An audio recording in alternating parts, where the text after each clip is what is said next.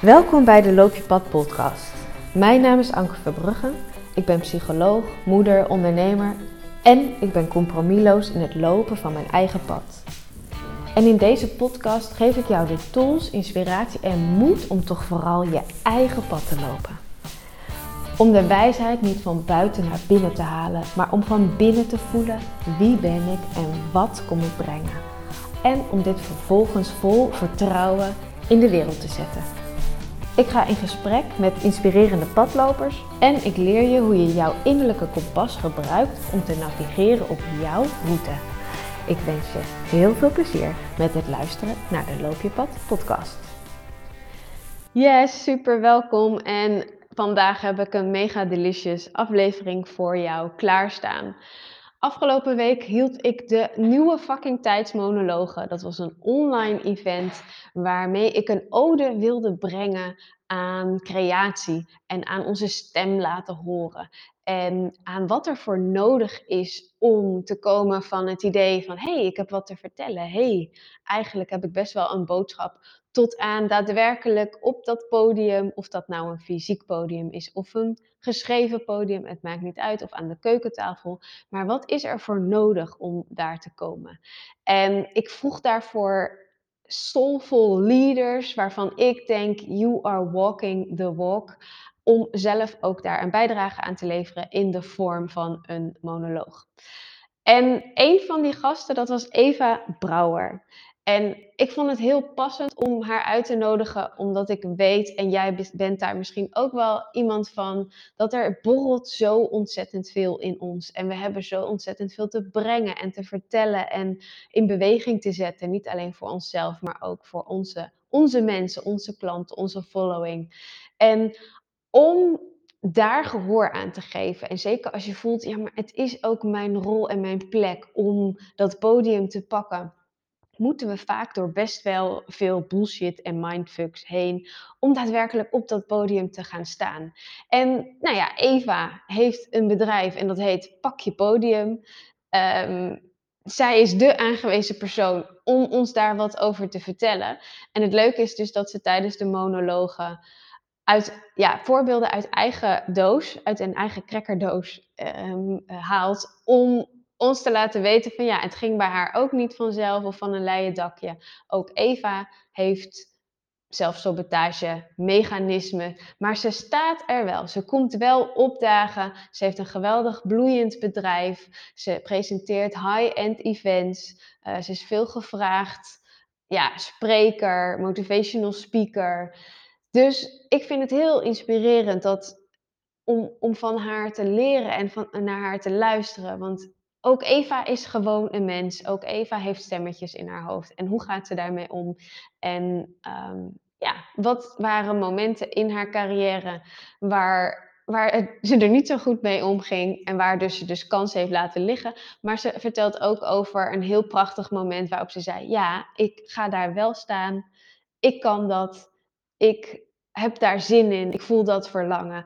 Kortom, een mooie talk voor onszelf om ook weer naar onszelf te kijken en te spiegelen van waar wil ik mijn podium pakken en wat staat mij nog in de weg. Dus ik wens je heel veel luisterplezier en op het eind zal ik ook nog eventjes bij terugkomen. Heerlijk. Nou, hallo allemaal.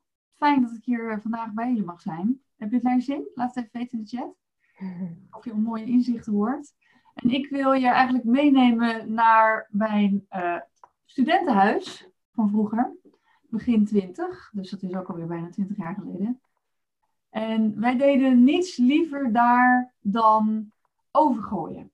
Urenlang konden we achter elkaar overgooien of darten of uh, filterkoffie drinken. En dat deden we dan op de kamer van mijn huisgenoot Klaas. En Klaas uh, liep een groot gedeelte van de dag in zijn badjas dan moet ik eigenlijk zeggen, was niet echt een badjas, het was eigenlijk meer een soort kimono. Het was uh, zo, dat satijn en dan was het uh, rood, zwart en groen. En dat stond dan voor de kleuren van NEC, namelijk zijn lievelingsvoetbalclub, omdat hij uit Nijmegen kwam. Dus dat was zeg maar een beetje het excentrieke figuur waar we dan, uh, dat was dan onze woonkamer. En s'avonds keken we niets liever, Digna is nu al fan van Klaas, ja, dat snap ik. Uh, S'avonds keken we dan niets liever uh, dan naar Big Brother. Dat was dan heel erg in in die tijd. Uh, met Bart en Ruud, die, en Bart en Sabine, hè, die het dan met elkaar deden onder een dekbed. Wat ook heel erg in was, was Idols. En de eerste ronde, jullie weten het ook echt nog wel allemaal. Dan gaan we niet vertellen dat je het niet weet, dat je niet hebt gekeken. Dat was, oh ja, eerst hadden we nog Starmaker en Chaotic. Maar goed, Idols hadden we dan Jim Bakkum en uh, Jamai Lohman. Die waren dan uiteindelijk de winnaars. En nou, dat volgde natuurlijk uh, en masse. De mascara van Hint. Ja, ik krijg wat. Jullie hebben het allemaal, allemaal guilty pleasures hier. Het was helemaal niet guilty toen, dat was gewoon pleasure. En um, in die tijd zat ik zelf ook in een band. Ik maakte zelf ook muziek. Ik was zangeres in een coverband. Die band heette Zorro. En we deden dan uh, feesten en partijen en bruiloften, studentenfeesten. En dan kwamen mijn huisgenoten ook wel eens mee. Dan, uh, en dan meestal zag ik, zag ik ze nooit allemaal, want eentje was altijd steeds bier halen. Dus je had nooit een complete groep. Dus het was om een beetje de sfeer te schetsen. En zij waren altijd heel enthousiast over Zorro. En uh, nou, grootste fans. En toen had een van mijn huisgenoten, Christel, nog steeds een goede vriendin van mij, je moet misschien voor je al aangekomen, opgegeven voor Idols. Zij had mij ingezonden. En je had dan die, die beelden op tv van die lange rijen van de audities van alle mensen die mee wilden doen daaraan. En zij zei, ja, je moet echt meedoen Eva, dat is echt fantastisch. En wat dacht ik bij mezelf? Ik dacht niet van, nou, ik zou nooit op zo'n podium willen staan. En jullie kennen mij misschien ook wel een beetje. Ik ben, uh, voor de mensen die me niet kennen, uh, ik ben zelf spreker, dagvoorzitter. Ik ben jarenlang televisiepresentator geweest. Ik heb mijn eigen bedrijf, Pak je Podium. En daarmee coach ik uh, ondernemers en ook bedrijven op spreken met impact. Dus het podium, hè, daar kun je mij altijd voor wakker maken. Geen enkel probleem. Maar wat deed ik met die aanmeldingsformulieren? Ik uh, stopte ze in een crackerdoos en verstopte ze bij het oude papier. Niemand van mijn studentenhuis, trouwens volgens mij op de dag van vandaag nog steeds niet, weet dat ik dat heb gedaan. Ik heb gewoon gezegd dat die formulieren niet waren aangekomen. En Christophe vroeg heb je echt niks gekregen? Ik zei, nee, niks gekregen, nee. En zo verdween mijn kans om in dat, toen nog met Reinoud Oerlemans en uh, Tooske uh, in de spotlight te staan, verdween bij het oud papier. En ik zeg niet dat ik dan hè, meteen dus bij de top 10 was geëindigd, dat, uh, dat impliceer ik misschien hiermee. Maar de kans daarop verdween ook. En waarom?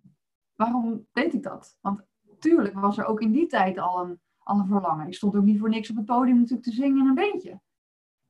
Maar het was angst. Het was natuurlijk de, de angst vooral om af te gaan. Zou je wel door die auditie komen? En uh, als je dan überhaupt door die auditie zou komen, wanneer zou je dan eruit liggen? En blijkbaar was dat, die spanning was eigenlijk te groot om te handelen op dat moment. En ik moet je eerlijk zeggen, zo heb ik wel vaker kansen gesaboteerd. Dan had ik een vacature voor BNN, voor een leuk jongerenprogramma. En die liet ik dan net zo lang op mijn bureau liggen, totdat de datum was verstreken. Ja, dan kon ik uh, niet meer opgeven. Helaas, kans gemist. Um, zelfsabotage. En soms noemde ik het lui zijn. Dat, je, dat ik te lui was om die kansen te pakken. En dan sprak ik mezelf ook nog eens weer streng toe. En dan was ik eigenlijk boos op mezelf dat ik dan die kans niet had gepakt. En boos dat ik lui was. En zo kwam ik eigenlijk in een neerwaartse spiraal van een rotgevoel over mezelf.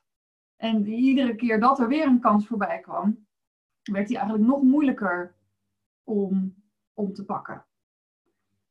En uh, uiteindelijk, als ik hierop terugkijk, heb ik geleerd om daar natuurlijk anders naar te kijken. Maar ik zie al sommige mensen reageren. En ik, herken jij dat ook? Dat je, hoe noem jij het? Is het lui? Is het, uh, wat is het voor jou? Ik, ik ben benieuwd. Laat het even weten in de, in de comments. Nog steeds in die studententijd. Op een gegeven moment had ik een vriendje. En hij zat ook in een band.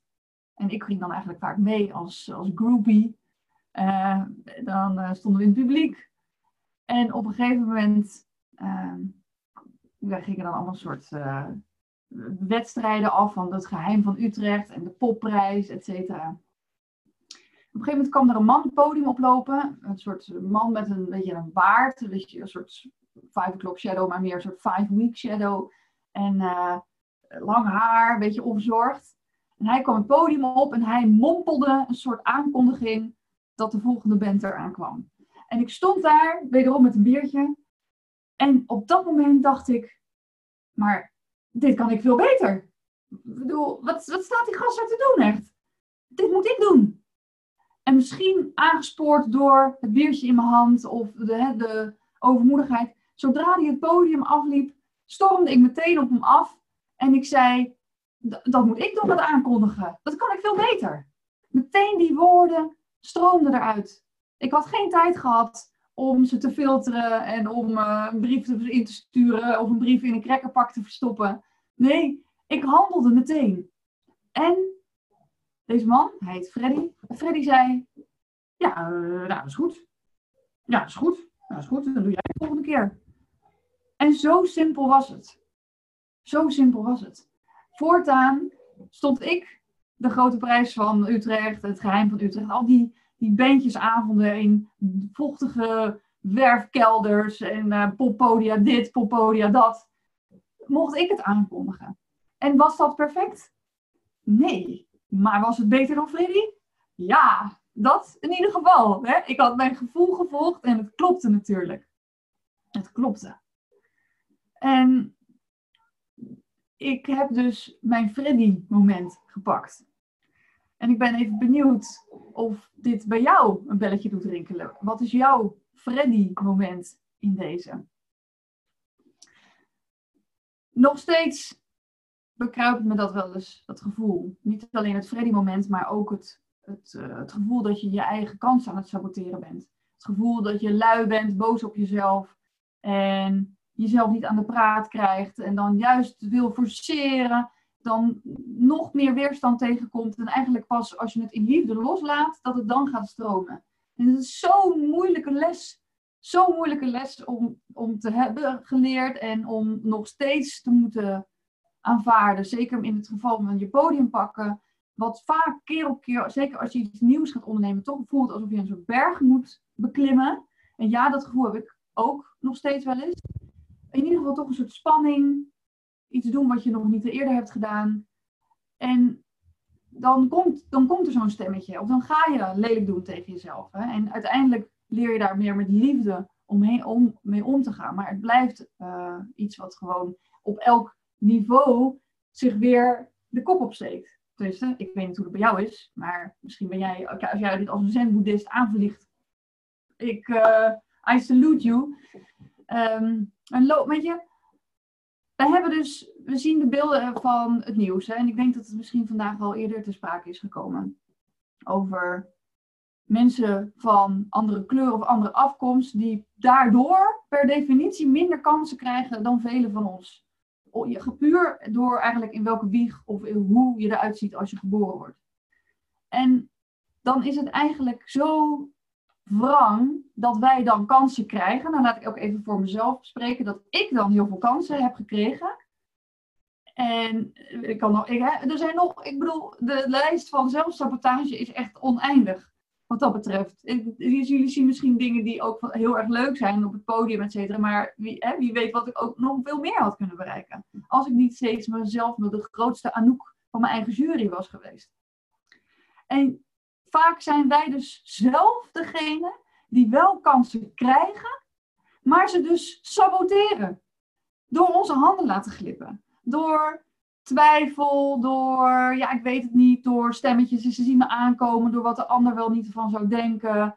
Weet je, hoe erg dat eigenlijk is. Gewoon, ik wil niet, ook over mezelf, misschien hoe verwend van mezelf dat ik al die kansen heb gekregen, zoveel, dat ik talenten heb gekregen om, waar ik mee geboren ben. En dan uit onzekerheid of twijfel, ja, ja.